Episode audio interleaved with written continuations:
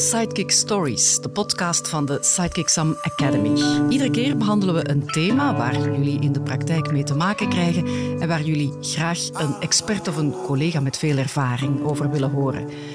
Vandaag hebben we het over bewegen. Bewegen onze jongeren voldoende? En hoeveel is dat dan voldoende? Hoe kan je een beetje extra fysieke actie integreren in de klas? Wat winnen onze jongeren daarbij? En jullie als leerkracht? Bij ons de man die vanuit de wetenschap onze vragen kan beantwoorden, Jan Segers, hoofd van het departement Bewegingswetenschappen van de KU Leuven. Hoe is het eigenlijk gesteld met de fysieke gezondheid van onze Vlaamse kinderen en jongeren? Bewegen ze inderdaad voldoende?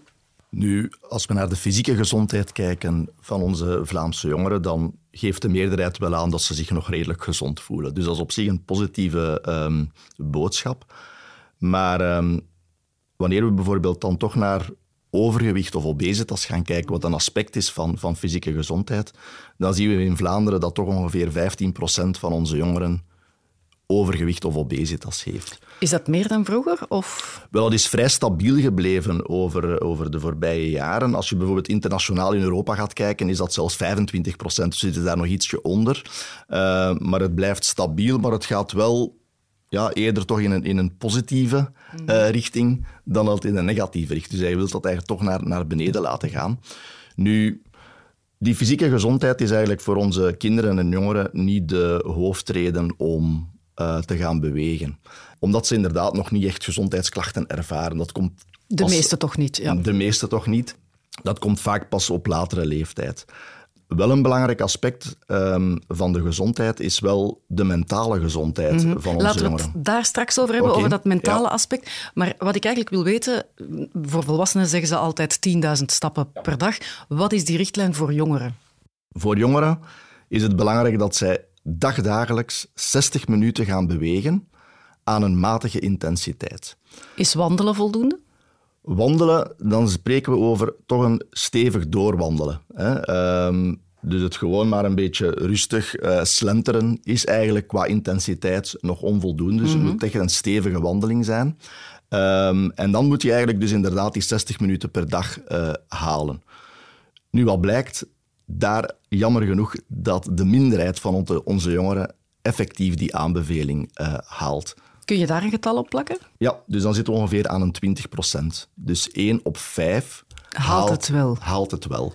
Dat is eigenlijk ontzettend weinig. Ja, dus, om, je, dus ze hebben de vraag gesteld, effectief beweeg je elke dag 60 minuten. Er zijn misschien jongeren die op een dag twee uur bewegen mm -hmm. en dan de dag nadien helemaal niet bewegen. Wel, ja, die dag telt dan niet. Je moet effectief elke dag die beweegdosis hebben van 60 minuten. Dat is een hele duidelijke de, richtlijn. Ja, hè? Ja. Dat is een heel duidelijke richtlijn.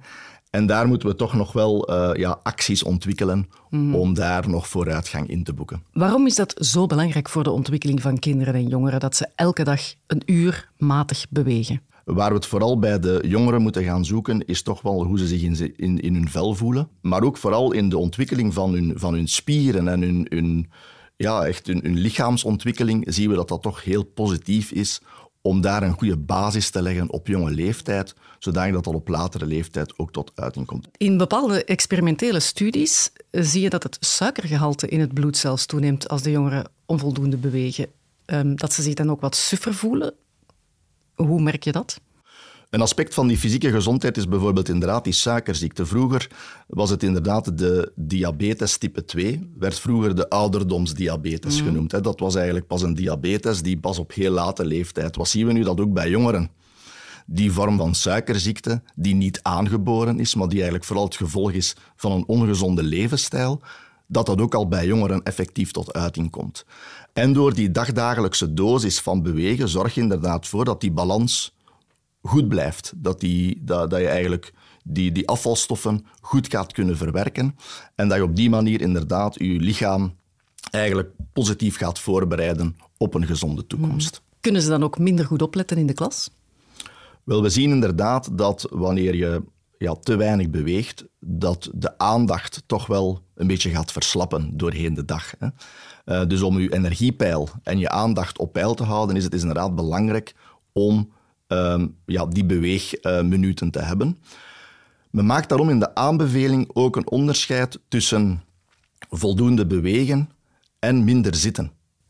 Dus er is naast eigenlijk de beweegrichtlijn van één uur uh, bewegen per dag, is er daarnaast ook de richtlijn die aanbeveelt om het zitten heel regelmatig gaan doorbreken. En heel regelmatig wil dat zeggen na elk lesuur even recht staan? Minstens na elke, elke lesuur eh, even recht staan. Er zijn zelfs aanbevelingen die zeggen om de 30 minuten even recht staan. Dus misschien moeten we dat tijdens, tijdens de, podcast, de podcast was net hetzelfde aan het denken. Uh, ook wel even doen. um, maar inderdaad, dus het te veel zitten draagt ook zeker en vast bij tot een gebrek aan, aan uh, concentratie of het dalen van het energiepeil tijdens de dag. Is er eigenlijk een verschil tussen jongens en meisjes? We zien doorgaans inderdaad dat uh, jongens toch wel iets meer gaan bewegen uh, dan meisjes. Dus je ziet daar wel duidelijk geslachtsverschillen. Die zijn niet super groot. Dus als we naar de beweegnorm gaan kijken, dan zitten we inderdaad ongeveer dat 20% van de jongens de norm haalt. Bij meisjes zitten we rond de 15%. Dus daar heb je ongeveer toch 5% verschil. Waar ligt dat dan? De echte reden is, is soms moeilijk te achterhalen. Vaak zien we toch een beetje aan andere interesses mogelijk. Uh, en, en, dan zien we ook wanneer je ja, een jongere gaan vragen van ja, als je wil meer gaan bewegen, waar, waar haal je dan je uitdaging of je motivatie? Dan zien we dat dat bij jongens en meisjes toch vaak iets anders uh, ligt, waarbij jongens toch vaak het meer competitieve het, ja. uh, interessant is, mhm. terwijl meisjes vooral meer het sociale aspect. Mm En je vindt natuurlijk in het sociale aspect ook in tal van andere activiteiten die misschien minder bewegingsgerelateerd zijn. Uh, gewoon eens uh, leuk afspreken met, uh, met de vriendinnen in de beetje stad. Chillen. Een beetje chillen. Ja. Dus dat is een andere vorm van interesse.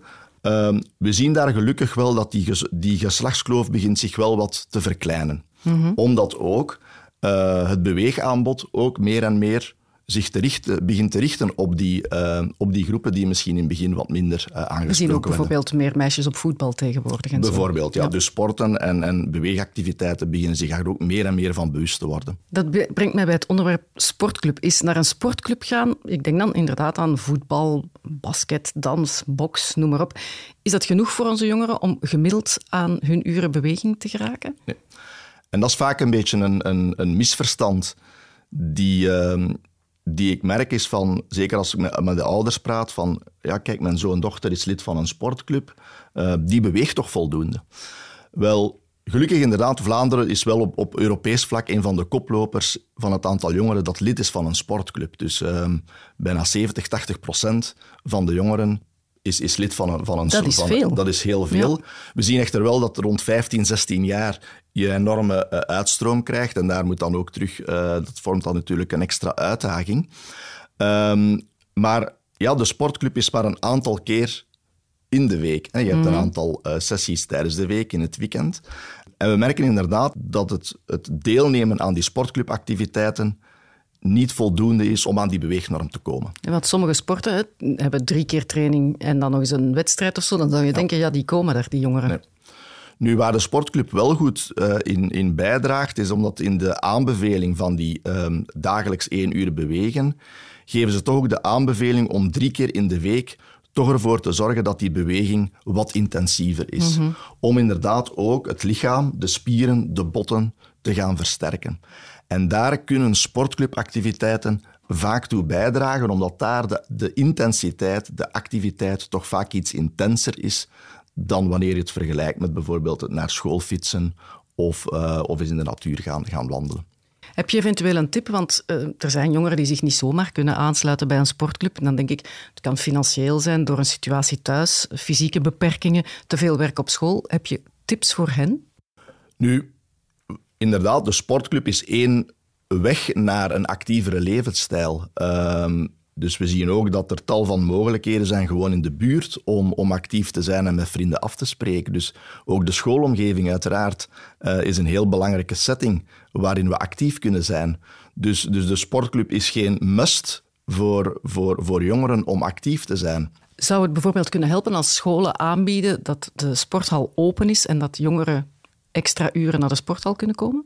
Absoluut. Ik denk dat we daar nog een grote winst kunnen boeken als we kijken in de voor- en naschoolse uren hoeveel goede schoolinfrastructuur eigenlijk gewoon beschikbaar is, maar gewoon gesloten is. Als we die beschikbaar kunnen stellen voor onze jongeren, dat zou nog een enorme winst kunnen zijn naar de toekomst toe. Is het de schuld van de gsm, de pc, de gameconsoles enzovoort dat onze jongeren misschien nu meer stilzitten dan vorige generaties?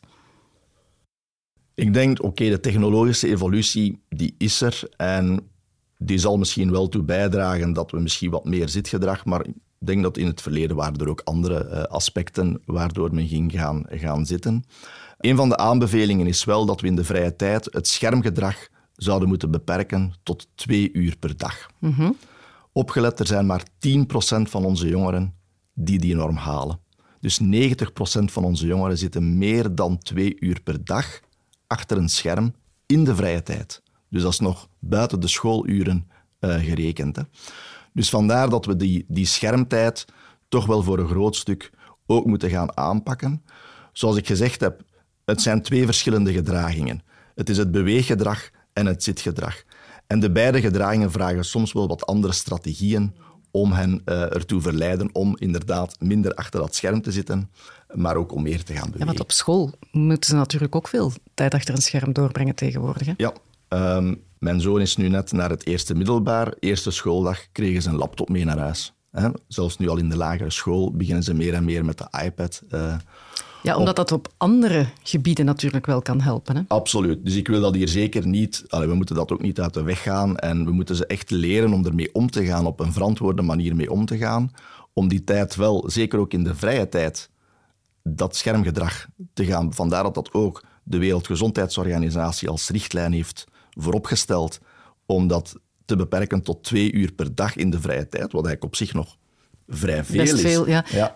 Alhoewel, er zitten natuurlijk ook bewegingsapps en zo. Hè? Ja, dus het is niet alle, alle schermgedrag. En, mhm. en we hebben dat uh, in een tijd gezien toen de Pokémon Go bijvoorbeeld app uh, er kwam. Hij is nog steeds populair trouwens. Ja, dan zie je toch dat dat toch op de een of andere manier een stuk beweeggedrag kan triggeren. Uh, dus je moet dat niet allemaal op één hoop gooien. Ik denk dat we dat inderdaad heel uh, rustig moeten bekijken. Er zijn zeker factoren die, die toe bijdragen, maar we moeten dat inderdaad um, leren aan onze jongeren om daar op een verantwoorde manier mee om te gaan. Want het, uit onze samenleving gaan we het niet meer kunnen, kunnen wegdenken. Uiteraard, uiteraard. niet, nee. Tijdgebrek is heel vaak een excuus om niet te gaan sporten. Um, maar kan het ook zijn dat er een deel van de jongeren gewoon niet zo geïnteresseerd is in bewegen? Interesse in, in, in beweegactiviteiten kan een element zijn. Um, maar daarom is het belangrijk dat we een voldoende breed aanbod uh, hebben. En vaak denken inderdaad, wanneer we het over sport hebben, sporten hebben, dan komt toch vaak het idee competitie naar boven. Hè? En, en dan zeggen jongeren, joh, maar ik ben daar niet geïnteresseerd in competitie, dus, dus dat is niks voor mij. Vandaar, ik probeer in mijn verhaal altijd vooral over bewegen te spreken. En het woord sport eigenlijk een beetje minder te gebruiken, omdat dat vaak inderdaad die negatieve andere connotatie. Die, ja, andere connotatie. Dus ik probeer vooral een beweegverhaal uh, te brengen. Interesse is zeker een, een, een, belangrijk aspect. Wat dat tijdsgebrek betreft... Um, dat klopt voor een stukje. Het heeft natuurlijk ook vaak met prioriteit te maken. Eh, en daar heeft terug de interesse natuurlijk een, een, een, eh, een link mee. Maar vandaar dat ik, zoals ik daar straks zei, tussen de voor- en naschoolse uren, als je ziet het hoeveelheid jongeren, en zeker in de lagere scholen, het aantal kinderen die in een voor- en naschoolse opvang zitten. En dat zijn vaak onbenutte minuten mm dat jongeren daar eigenlijk, of, of kinderen daar, daar eigenlijk spenderen. En dan komen ze thuis uh, moeten ze hun huiswerk nog maken? Zijn ze dan inderdaad lid van een sportclub? Moeten ze nog naar de sportclub? Dus vaak wordt alles te veel geconcentreerd op. Dus we moeten dat ook over de dag meer kunnen spreiden, waardoor dat tijdsgebrek een minder doorslaggevende factor is uh, in de keuze. Je zou ook denken met de huidige bodycultuur op de sociale media dat jongeren net uh, picture perfect zouden willen zijn en meer interesse krijgen in bewegen om mooie spieren te krijgen, bijvoorbeeld. Ja, we zien bijvoorbeeld wel bij de jongens dat die, de, de fitnesstrend zich ook... En steeds op jongere leeftijd begint uh, tot uiting te komen.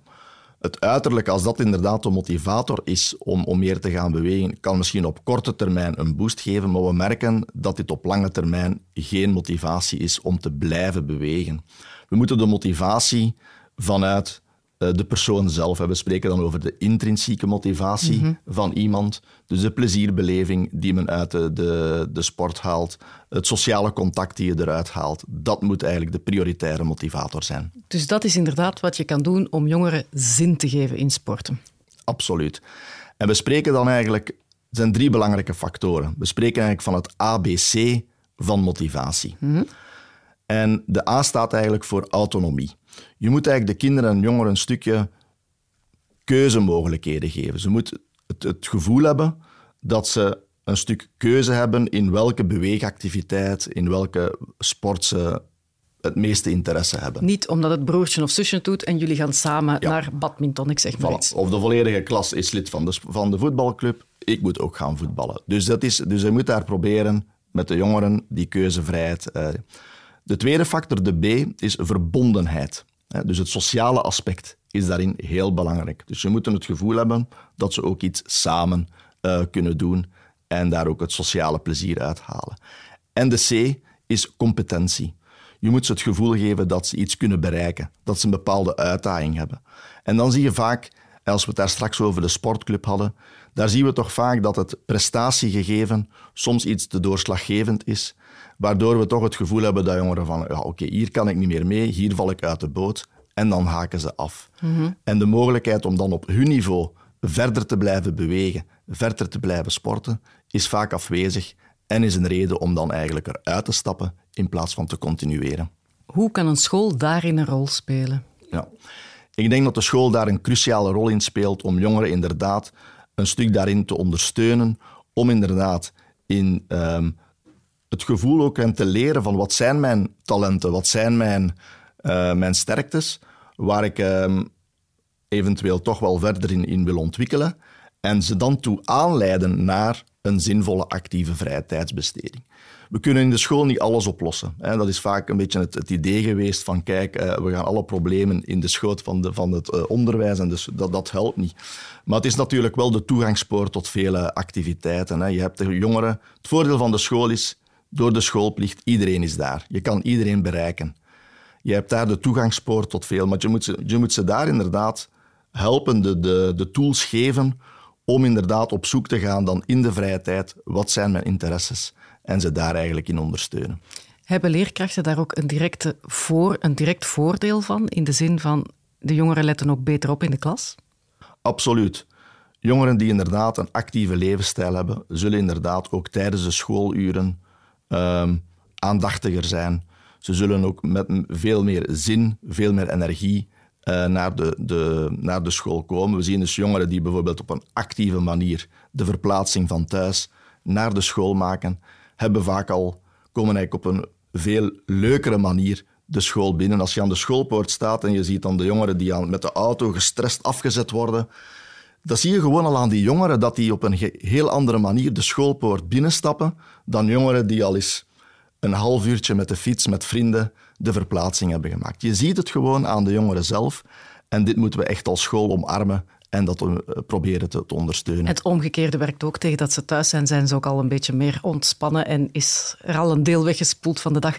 Intussen is eh, Bert Misplon bij ons komen zitten. Ehm, welkom. Ik moet jou even introduceren. Ik ga het proberen samen te vatten in een paar zinnen. Je was een kind met veel energie, Klopt. dat voetbalde, op atletiek ging en eigenlijk wielrenner wou worden. Maar is leerkracht LO geworden. En omdat je zo'n fan bent van bewegen, heb je samen met bronzen medaillewinnaar en afstandsloper Bashir Abdi de VZW Sport Around opgericht om kinderen en jongeren kansen te geven door middel van sport. Jullie organiseren onder andere naschoolse sportactiviteiten op een veertigtal scholen en ook wekelijkse activiteiten in een aantal weken. Ik wil wel eens weten van jou, Bert, wat doen jullie concreet op die scholen? Ja, ehm, ik denk dat de professor al heel veel interessante zaken heeft verteld. Ehm, heel veel zaken die wij ook in de praktijk inderdaad eh, tegenkomen. Ik ben, zoals u zei, zei eh, leerkracht LO. Ik heb eh, altijd in de lagere school sport- en beweeglessen gegeven.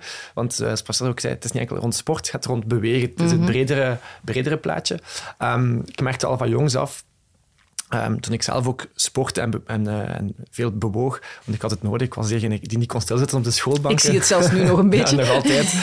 Ehm, dat, eh, dat niet alle kinderen toegang hebben tot sport of niet altijd zin hebben in sport. Als je dan ook zelf les geeft, dan merk je dat nog, nog meer.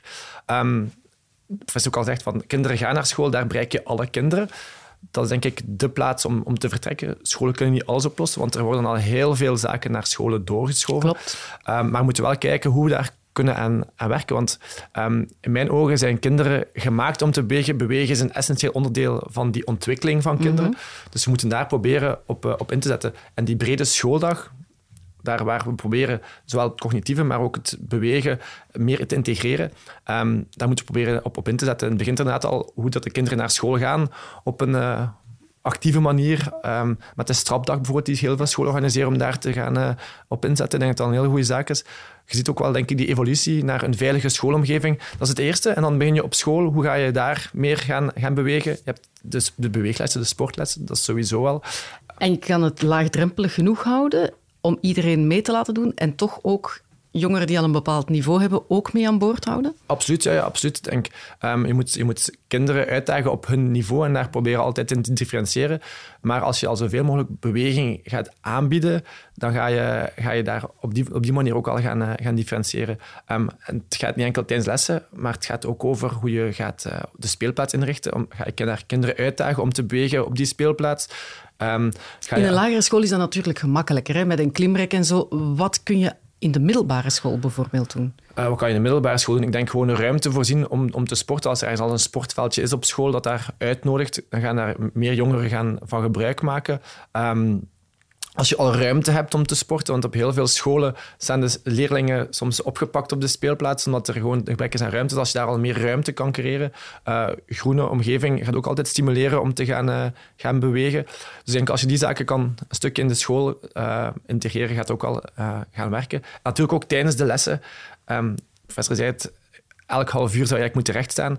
Um, ja, dat, is, dat is het minimum. Hè. Kinderen zitten de hele dag neer. Die beginnen met de school om half negen tot twaalf. Daartussen een korte speeltijd. Heel vaak blijven die dan zitten. Dus je moet dat, dat proberen. Het is heel moeilijk hè, om zo lang ja. stil te zitten. Ja. Maar daar zou ik het zelfs even okay. over willen hebben. Ik, ik vind het belangrijk bij Rode Neuzendag. Vroeger hebben we het ook al gehad over de invloed van sport en bewegen op het mentaal welzijn. Hoe groot is die?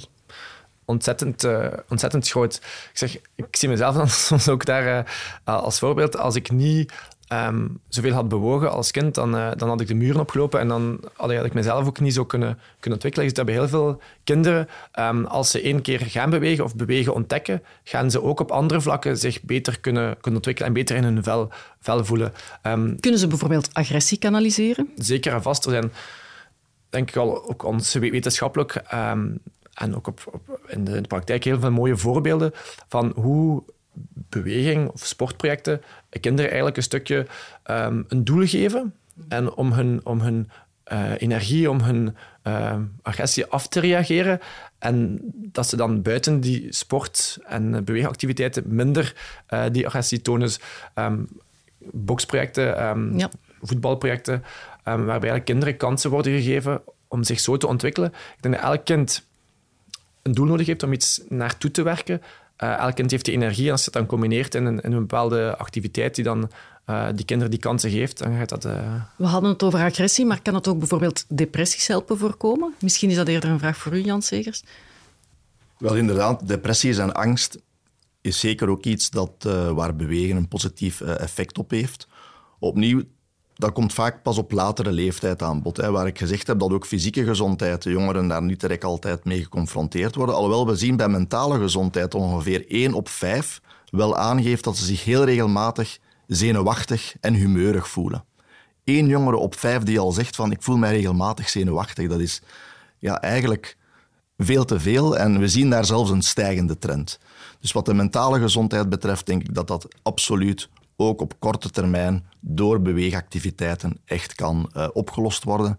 En dat inderdaad ook een stuk die angst en depressie een stuk kan gaan kanaliseren. Want het maakt jongeren ook veel weerbaarder. Hè? Ze voelen zich beter in hun vel als ze kunnen sporten en bewegen. Ze worden sterker.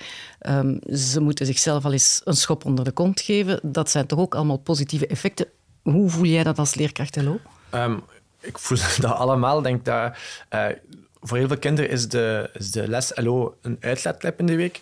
Um, ze komen dan van de schoolbanken na die les om zich ook uit te leven. Dus ze komen heel veel energie. Ik vind dat je die energie daar ook moet, moet kunnen, uh, kwijtgeraken. Maar je moet proberen als LO-leerkracht ook de andere leerkrachten te, te motiveren en stimuleren om daar meer beweging te integreren in de, in de lessen. Welk advies geef je dan aan collega's?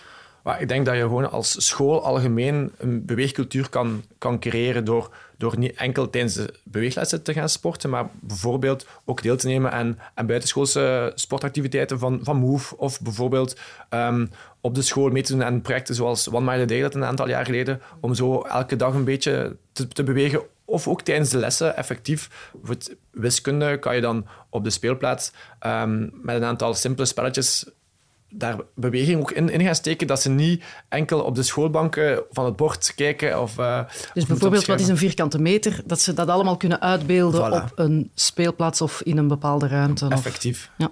Ik kom nog regelmatig op scholen en ik kom dan in het uh, lerarenlokaal. En dan hoor ik de, de leerkrachten tegen elkaar van... Goh, en ze waren terug zo rumoerig en ik kreeg ze niet geconcentreerd en ze waren niet oplettend. Ik zeg, dit is de kans. Daar moet je dan ook als LO-leerkracht, als je in dat klaslokaal zit of in dat lerarenlokaal zit, ingrijpen en zeggen van kijk, ik heb voor jou de oplossing.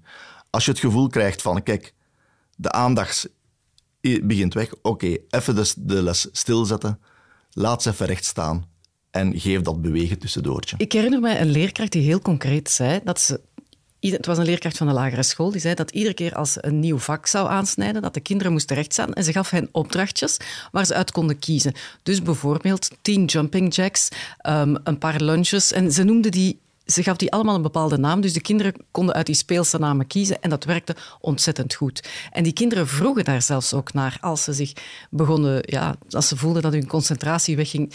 Zijn dat zo van die dingen die echt kunnen helpen? Dat zijn echt fantastische voorbeelden. En we zien inderdaad in lagere scholen dat die cultuur zich echt begint te installeren. Waar we echt nog winst moeten boeken, is in de middelbare school, waar vaak... Ja, ik kan mij voorstellen dat je in een beroepsonderwijs bijvoorbeeld niet moet afkomen, we gaan nu tien jumping jacks doen of zo. Dat, dat werkt Maar dat is ook de manier waarop dat je dat, denk ik, introduceert. Ik, voor mij zou dat perfect moeten kunnen. Um, ik vind dat echt belangrijk, maar je, je zal misschien je taal, je, de manier waarop je het aanbrengt, dan wat moeten gaan aanpassen. Het moet cool genoeg zijn, Het moet natuurlijk. cool genoeg ja, zijn ja. Om, om het te gaan doen. Want inderdaad, waarom is dat in de lagere school al wel meer een cultuur? En ze maken de switch naar de middelbare school en daar verdwijnt dat eigenlijk. Dat is eigenlijk niet logisch. Nee, dat is helemaal waar. Ik, zeg, ik, ik heb ook vooral op een lagere school lesgegeven. Daar is inderdaad al ingeburgerd. Daar wordt al meer in die lessen, die beweegtussendoortjes gestoken. Um, wordt al wat meer. In middelbaar verdwijnt dat inderdaad. Dan is, uh, Heb je daar trouwens nog goede voorbeelden van, van die beweegtussendoortjes? Oh, ja, heel veel simpele dingen dat je kan, kan gaan doen. Zoals je zelf ook zei, oefening achter je stoel. Dus uh, een kleine stoelendans gaan doen in Ah, de ja. les. Even naar buiten gaan. Want... Uh, ik denk dat ook vorig jaar tijdens corona een problematiek was dat klassen niet goed verlucht zijn, dat er soms te weinig zuurstof in de klas Mhm. is. Eventjes een frisse neus gaan halen buiten, uh, kort op de speelplaats een, een loopspelletje of tikspelletje gaan, uh, gaan doen. Kan eigenlijk allemaal. En uh, je moet ook niet altijd voor de lessen in de klas blijven. Je kan ook eens de omgeving gaan gebruiken en dan een wandeling gaan doen. En, uh, dat is nog iets ja. bewegend leren. Hè? Ja. Hoe pak je zoiets aan? Want er wordt meer en meer voor gepleit tegenwoordig. Ja. Dus bewegend leren is eigenlijk een manier om inderdaad bepaalde leerinhouden op een speelse, bewegende manier uh, aan te brengen. En we zien daar bijvoorbeeld vakken zoals rekenen, uh, taal, lenen zich daar eigenlijk perfect toe. Mm -hmm. Je kan eigenlijk dat... Um, gaan, dan heb je eigenlijk een win-win. Je biedt de lerinhoud aan, want dat is vaak de kritiek die je krijgt van, van leerkrachten. Ja, de beweegminuten gaan ten koste van de leerminuten. Geef nee. eens een voorbeeld, hoe kan dat samenvallen? Ja. Ik denk inderdaad, als je een bepaalde ingewikkelde formule of een, of een afmeting of uh, kinderen en jongeren bewust moeten maken van een, van een oppervlakte van iets, laat dat inderdaad eens afstappen, laat dat eens effectief meten, dan ga je ze daar heel bewuster uh, mee leren omgaan. Dat is wiskunde, maar bij taal bijvoorbeeld? Bij taal kan je ook evengoed uh, door elkaar een instructie te geven bijvoorbeeld, kan je op die manier zeggen van kijk, we gaan nu eens die oefening en we gaan dat eens aan elkaar uitleggen hoe dat we die oefening moeten doen op een bepaalde manier, zelfs in een andere taal bijvoorbeeld. In het Frans is een oefening uitleggen, door gewoon elkaar eens uh, dat uh, ja, aan te leren op die manier. Klopt het dat je verschillende hersengebieden stimuleert door bewegend te leren, waardoor ze ook makkelijker zaken gaan onthouden? Ja. Dus je hebt enerzijds eigenlijk de, ja, als we het over mentale gezondheid hebben, dan denken we inderdaad vooral ook aan, aan angst, stress, depressie. Maar in, in dat aspect heb je ook natuurlijk het, uh, het geheugen. Je hebt het korte termijn geheugen. En het blijkt inderdaad bewegen dat je acuut eigenlijk dat, dat werkgeheugen echt kan gaan stimuleren en het effectief beter kan gaan onthouden wanneer je het gaat combineren met bewegen. Ehm, je hoort vaak dan van die verhalen van eigenlijk de beste ideeën komen tijdens een wandeling. Dus eigenlijk door te wandelen ga je eigenlijk ook plots die hersenen op de een of andere manier triggeren. Hè, gaan bepaalde hormonen daarin vrijkomen, waardoor plots toch wel dat idee naar boven komt. Ik herinner me het verhaal van een jongetje dat ook moeilijk kon stilzitten. En die had een bal in een netje. En zijn moeder hoorde zijn lessen op, terwijl hij ondertussen tegen die bal schopte kan zeker helpen. Ehm, ik had vroeger altijd zo'n elastiek in mijn bank om zo met mijn voet te kunnen bewegen toch tijdens de les. Kan ook, kan ook helpen, dus. kan ook zoiets. Ja. Uh, denk gewoon als je aan het bewegen bent um, en ondertussen kan nadenken. Ik zeg, ik probeer zoveel mogelijk mijn verplaatsingen met de fiets te doen, ook zoals vandaag. Als je fietst, kan je ook ondertussen nadenken. Ja, en fiets zoals vandaag. Je bedoelt, jij bent met de fiets ik ben hier. met de fiets naar hier gekomen en bedoel, tijdens de, de fietstocht kan je ook frisser nadenken, heb ik het gevoel. En kan je ook uh, beter voorbereiden dan als je in een, in een auto zou zitten of uh, je bent buiten, je bent in beweging. Het bevestigt eigenlijk wat we eerder dit gesprek zeiden. Wij zijn allemaal wel met de auto gekomen, waren gestrest vanwege de files en jij was degene die het meest fris hier binnenkwam. Dus dat is wat we daar straks over de leerlingen ook zeiden. Zeker, dus uh, proberen wat, wat je wil vertellen ook, ook in de praktijk zelf ja. ja te ervaren. Jij hebt zelf als kind ook trucjes moeten verzinnen. Wat deed je nog, behalve zo'n elastiek aan je bureautje? ik ging gewoon heel veel gaan sporten. Ik heb altijd... Ehm, ja, mijn ouders lieten mij ook zoveel mogelijk vrij om te gaan, uh, gaan sporten. Verschillende sporten gedaan. Maar ehm, ik koos ervoor naar de dichtste school te gaan. Ik was dan heel snel thuis en dan was ik weg of aan gaan fietsen of, of gaan lopen. Dus ik had wel um, een aantal ja, doelen. En ik had ook heel veel vriendjes waarmee we konden samen gaan voetballen in de straat. Uh, wij, we hadden het geluk dat daar een voetbalveldje mm niet, niet ver van lag. Dus dat helpt ook als er publieke ruimte is waar die uitnodigt om te gaan, uh, gaan bewegen. Um, Yannick Carrasco bijvoorbeeld hier in Vilvoorde heeft ook zoiets georganiseerd waar jongeren kunnen voetballen, basketten, buiten zijn. Ja. ja. en daar zijn we nu met Sport Around zeg, ook een stuk op, op bezig. We, hebben, we zijn uit ervaring, eigen ervaring begonnen met onze VZW, en ondertussen tien jaar geleden, um, met een aantal wijkactiviteiten. Dan zijn we wat doen jullie daar concreet? Dus wij gaan naar pleintjes waar veel kinderen wonen om daar met sportmateriaal dat wij aanbieden vrij en soms ook georganiseerd dat we een aantal spelletjes spelen, kinderen aan bewegen te krijgen. Wat voor sportmateriaal is dat dan bijvoorbeeld? heel eenvoudig, heel veel ballen. Ballen zijn altijd heel mhm. populair, maar het gaat ook over steps, over tennisraketten, meer over springtouwen. Um, ja, allemaal dingen die eigenlijk in een heel grote bakfiets, dat is de sportkar dat wij noemen, uh, kunnen. Dat is een van onze activiteiten die wij vooral buiten school in de vakanties en uh, woensdagmiddag gaan doen. Um, maar in 2014 zijn we ook begonnen met naschoolse sport. Zoals daarnet het verhaal ook kwam, die school, daar bereik je iedereen. Wij merkten dat niet alle kinderen de kans kregen om bij sportclubs aan te sluiten, mm omwille van verschillende drempels. Bij mensen in, in kansarmoede is ook sport geen prioriteit. Die hebben andere zaken waar ze dan aan geven. En sportclubs, ja, die, die, die kosten nu eenmaal ook wel, wel, wel wat geld. Is het laagdrempelig dan wat jullie aanbieden? Is het bijna gratis? Bijna gratis, ja, ja, Dus de activiteiten op de pleintjes zijn gratis, omdat we daar in de leefwereld van de kinderen komen. Op school um, organiseren wij nu naschoolse sport. Dus begon 2014 op twee scholen. En nu zitten we op een 40, 150-tal scholen dat we dat organiseren. En dat kost standaard 15 euro voor 10 lessen. Maar um, ongeveer de helft van onze deelnemers doet dat met uitpas en kanstarief. En zij betalen 1,5, dus 3 euro voor, voor 10 lessen. Um, en wat voor lessen geven jullie dan? Heel breed. Uh, vooral op een speelse manier bewegen. Um, heel veel uh, spelvormen, heel veel spelletjes. Dus geen technische of tactische trainingen, maar echt op een speelse manier kinderen laten bewegen.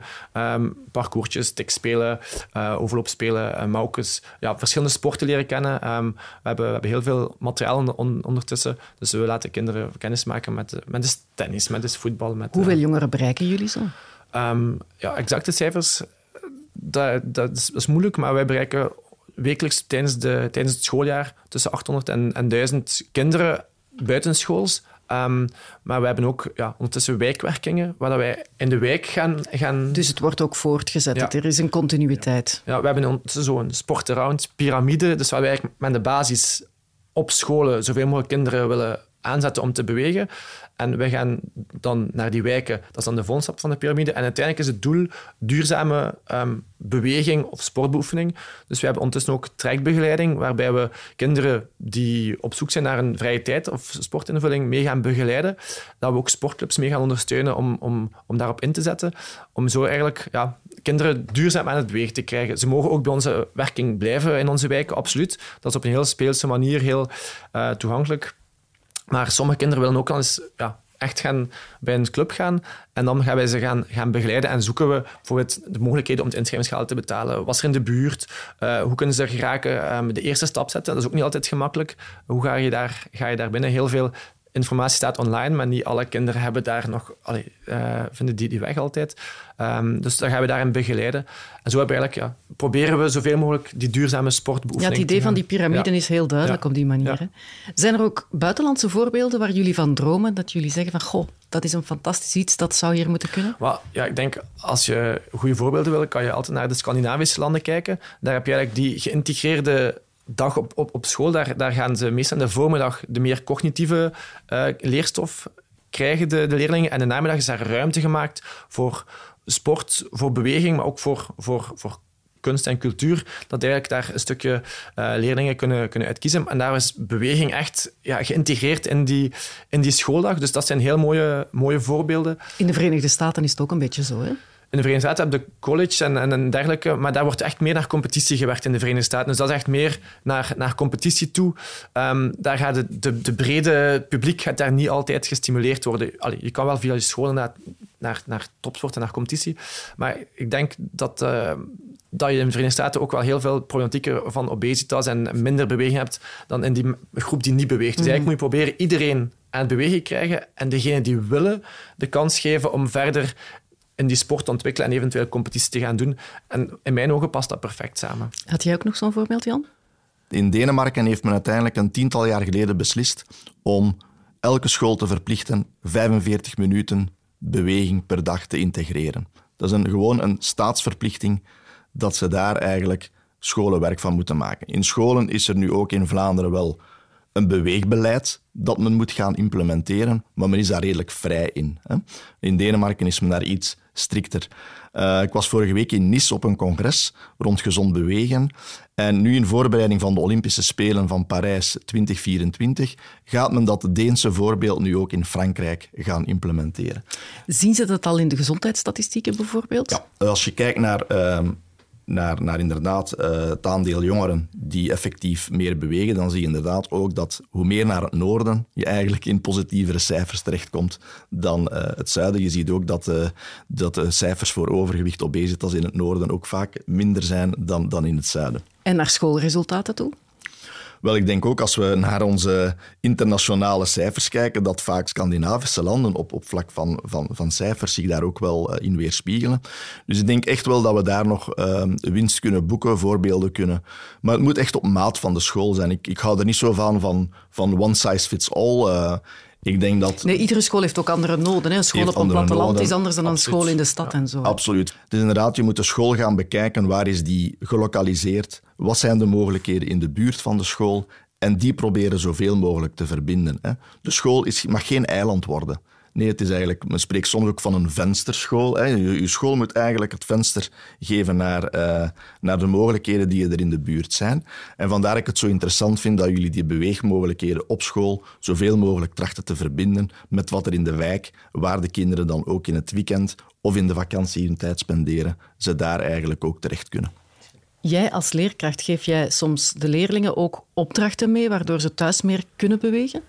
Um, zeker. Ik probeer zoveel mogelijk de kinderen één, op school uh, te stimuleren om te bewegen, door bijvoorbeeld middagsporten te gaan doen. Um, in Gent organiseren wij ook mee de Pierkesloop. Dat is eigenlijk een heel grote kinderloop voor, voor lagere schoolkinderen, waar 2000, 2000 kinderen komen en deelnemen dat is uh, meestal begin oktober, september hebben we dan loopmaand en proberen we daar naartoe te werken. En scholenveld lopen. Een beetje scholenveld lopen, ja. Het is, Op, het is scholenveld lopen, maar een stukje meer ingekleed. En, uh, mm -hmm. en alle kinderen krijgen een medaille, allemaal winnaars. Allee, het is eigenlijk het concept van, van Scholenveld lopen nog met een, uh, een, verhaaltje rond, wat ook altijd helpt om, uh, om kinderen die niet altijd puur naar de veldloop willen gaan, toch te motiveren. Om, uh, om ja, iedereen een medaille is al fantastisch op zich natuurlijk. Dat is, ja. En ook de, de laatste kinderen die als laatste overmeten worden ook het meeste aangemoedigd. Um, de Pierkes als een Gens volksfiguur lopen naar mee. Ja. Dat is een heel leuk verhaal, maar daar bereiden we dus eigenlijk een stukje de kinderen op voor door um, te zeggen van kijk, we gaan in de middagpauzes samen, iedereen die wil kan meegaan, maar je kan ook thuis eens gewoon eventjes op je gemakje gaan, gaan lopen. Um, die willen, die kunnen zelf een schemaatje krijgen, maar dat is dan al iets verder. Dus eigenlijk doen we de school leven rond dat thema.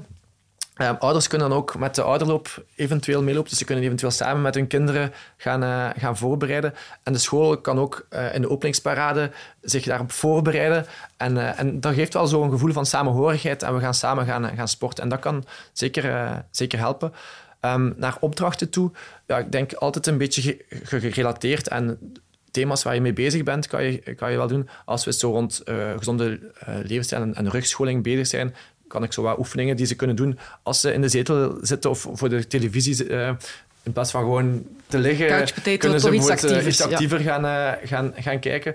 En op die Wat zoal, bijvoorbeeld? Um, bijvoorbeeld de, de plankhouding gaan, mm -hmm. uh, gaan, gaan doen, of uh, hun benen in de lucht zo gaan, gaan strekken, of gewoon eens een aantal springoefeningetjes doen. daar moet niet veel ruimte voor zijn. Iedereen kan dat op een kleine ruimte doen. Bij mijn zoon kregen ze de opdracht van hun LO-leerkracht om een aantal fysieke oefeningen te doen, zichzelf te filmen tijdens de oefeningen, zodanig dat ze bewijs hadden. En dat hadden ze gekoppeld aan klasse-challenges, waardoor ja, een klas die veel bewoog iets extra's kon verdienen. Dus ik vond dat ook eigenlijk een slimme manier Zeker, om slimme manier, te stimuleren.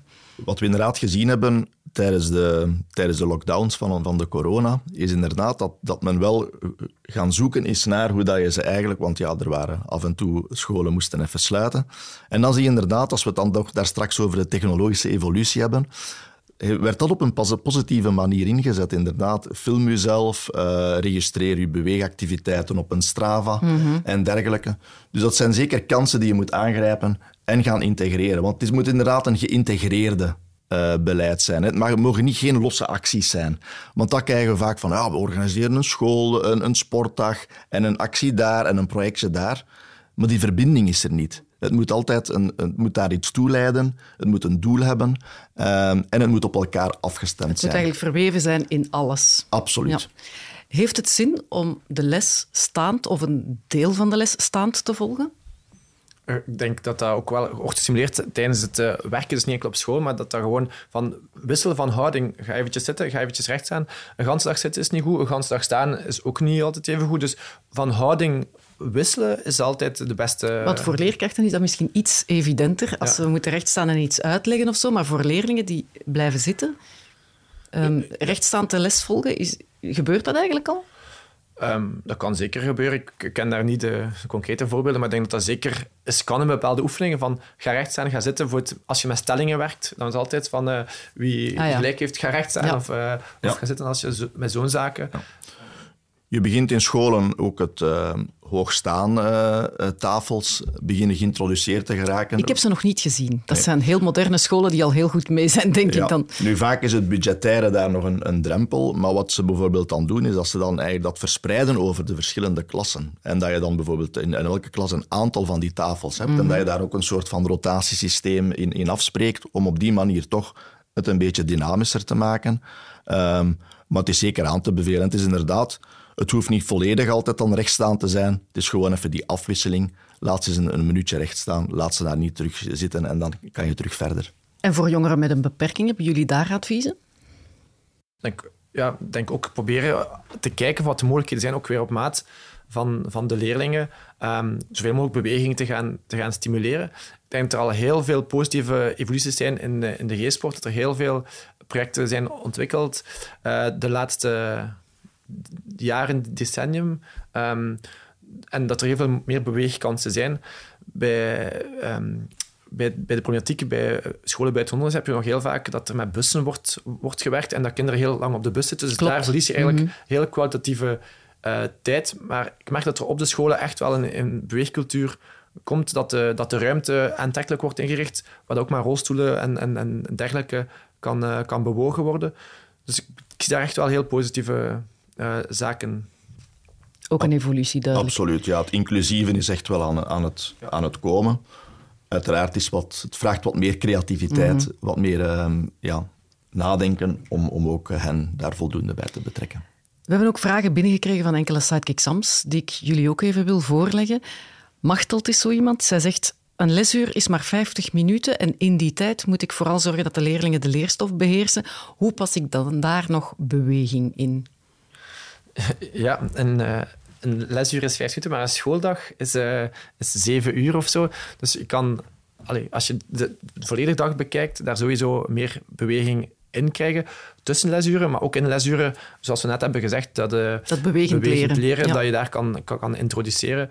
Ehm, ik, allee, mijn, mijn vrouw is ook leerkracht in, eh, in de lagere school en zegt ook van ja, wij moeten zoveel leerstof of eindtermen eh, eh, op het einde van, eh, van, van het traject bereiken.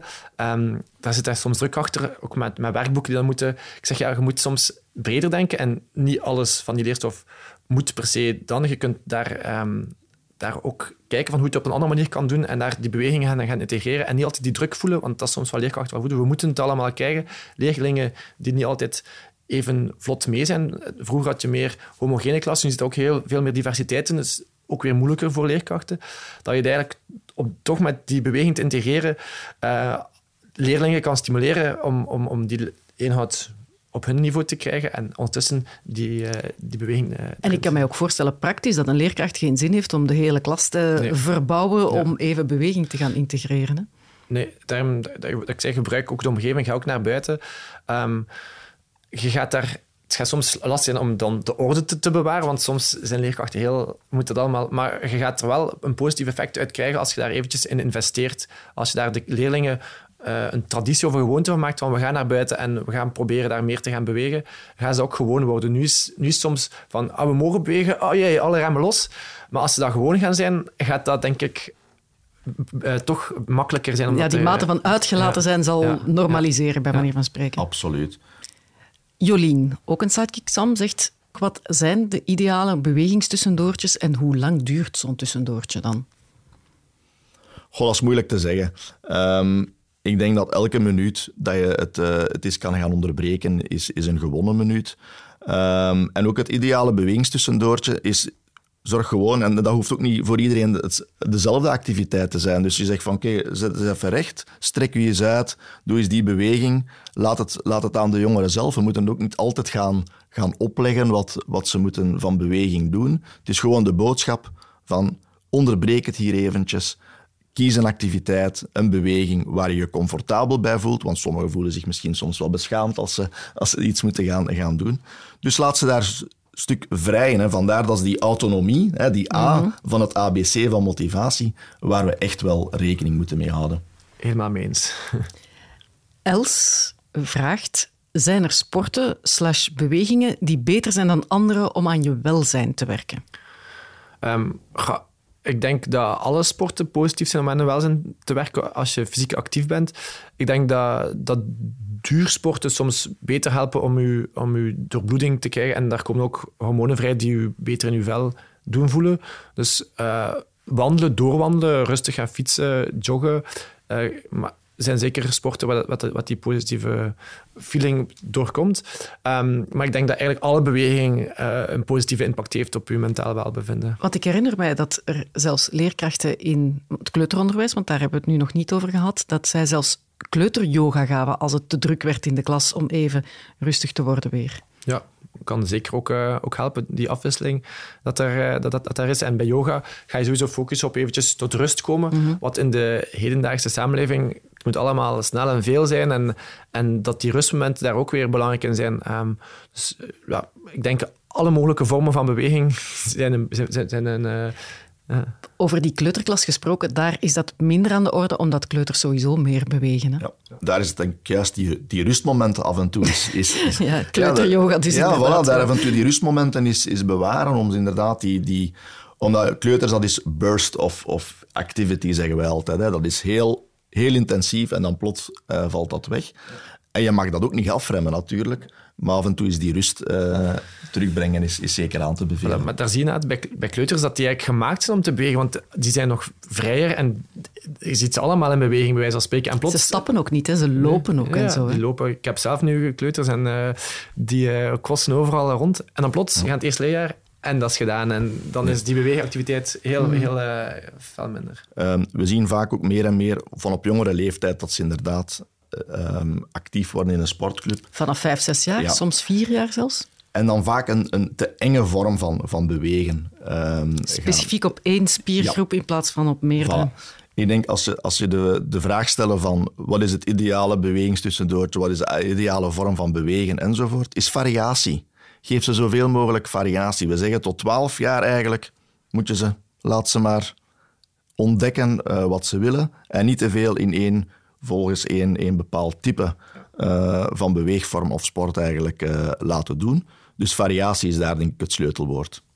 Er zijn ook wel positieve allee, zaken, bijvoorbeeld multimove bij, bij kinderen. Heel leuke vormen van, van, van bewegen die daar worden aangeboden. Dus dat wordt ook wel net gestimuleerd van ga je lichaam breed gaan ontwikkelen. Um, en op een speelse manier weer, maar heel veel leuke activiteiten. Hm. Wesley, Sidekick Sam ook. Sommige kinderen bewegen niet graag omdat ze van zichzelf vinden dat ze niet echt goed zijn in iets, of omdat ze daar fysiek niet goed toe in staat zijn. Hoe ga je deze kinderen motiveren en ondersteunen? Want alles start toch met een goed gevoel. Uh, niet dat competitieve, dan te benadrukken bij die kinderen die zich daar iets minder goed in voelen, maar gewoon op een speelse manier simpele dingen gaan, uh, gaan, gaan bewegen. Um, we hebben het over Pokémon Go even ter sprake ja. gekregen. Ja, zo'n zaken. Ik denk dat Pokémon Go een van de meest positieve zaken was om kinderen die niet bewegen, heel vaak met schermpjes, toch aan bewegen te krijgen. Dat, dat, dat heeft echt allee, een heel positieve impact gehad mm -hmm. bij een, een, doelgroep die anders moeilijker bereikt werd. Um, ja, ik zeg, die spelvormen zijn altijd aantrekkelijker voor kinderen die niet naar het competitieve uh, neigen en die zich niet altijd bij bewegen. En daar zit ook een beloning in, hè, ja. die, die zeer groot is. Hè. Ja, we moeten wel opletten inderdaad met beloningen, omdat dan het mag niet voor de beloning zijn, maar, maar het kan wel. Het moet terug die intrinsieke. En we hebben het ook over die, die C gehad, hè, de, het competentiegevoel. Hè. Ze moeten het gevoel hebben inderdaad dat zij iets kunnen bereiken. Dat zijn een bepaald doel. Vandaar. En dat, daar vind ik die apps bijvoorbeeld, die, die zijn op dat, op dat vlak vrij slim. Die, die zetten eigenlijk een bepaalde doelstelling die vaak ja, op maat is, hè, een beetje geïndividualiseerd is. En dat is het uiteindelijk. En, en we hebben het daar straks over de, het aantal stappen per dag houden. Ja, de, de, de magische drempel van 10.000 stappen per dag. Voor jongeren mag dat zelfs richting 14.000, 15.000 stappen per dag gaan. Maar oké, dat is ook maar een getal. Probeer gewoon daartoe, naartoe te werken. Maar geleidelijk aan. Dat mag niet van vandaag op morgen, moet het nu 14.000 of 15.000 stappen zijn. Ellen, per jaar kunnen we maar, en dat is iets wat heel veel mensen gaan herkennen, tien zwemlessen geven per leerjaar op onze school. Dat is te weinig om kinderen echt goed te leren zwemmen.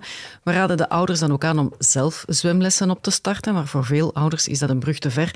Vooral mensen uit andere culturen waar zwemmen niet zo is ingeburgerd. Hoe kun je dit aanpakken? Ik, ik, zie heel veel zwemlessen um, nu tegenwoordig doorgaan in privézwembaden. Dus dat, dat, is denk ik ook wel een goede evolutie, dat, dat mensen die een zwembad thuis hebben, dat ze dat ook openstellen om uh, organisaties die zwemles aan, aanbieden, daar gebruik van te maken.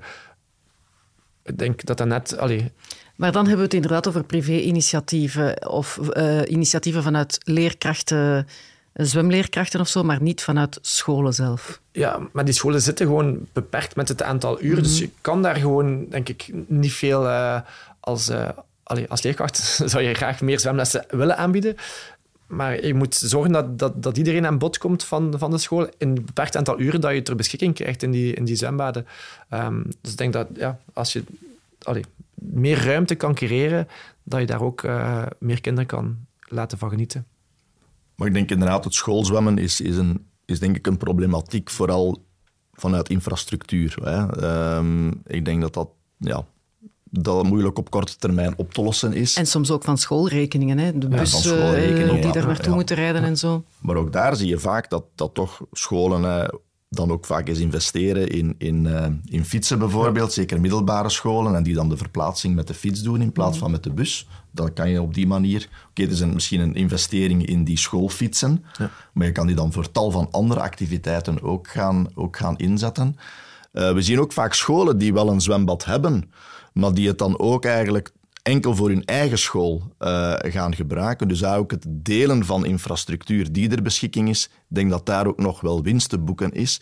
Waar ik daar straks ook zei, in de voor- en naschoolse opvang um, of, of in de naschoolse uren, welke schoolinfrastructuur er vaak ter beschikking is, maar niet gebruikt kan worden. Ik denk dat daar ook nog wel uh, stappen vooruit gezet kunnen worden. Absoluut. Ja. Is er zo nog iets wat jullie te binnen is geschoten tijdens dit gesprek waar jullie van willen zeggen van ah, dit wou ik nog even kwijt? Um, ik denk dat een, een algemeen verhaal is dat we samen moeten proberen gaan, gaan brengen.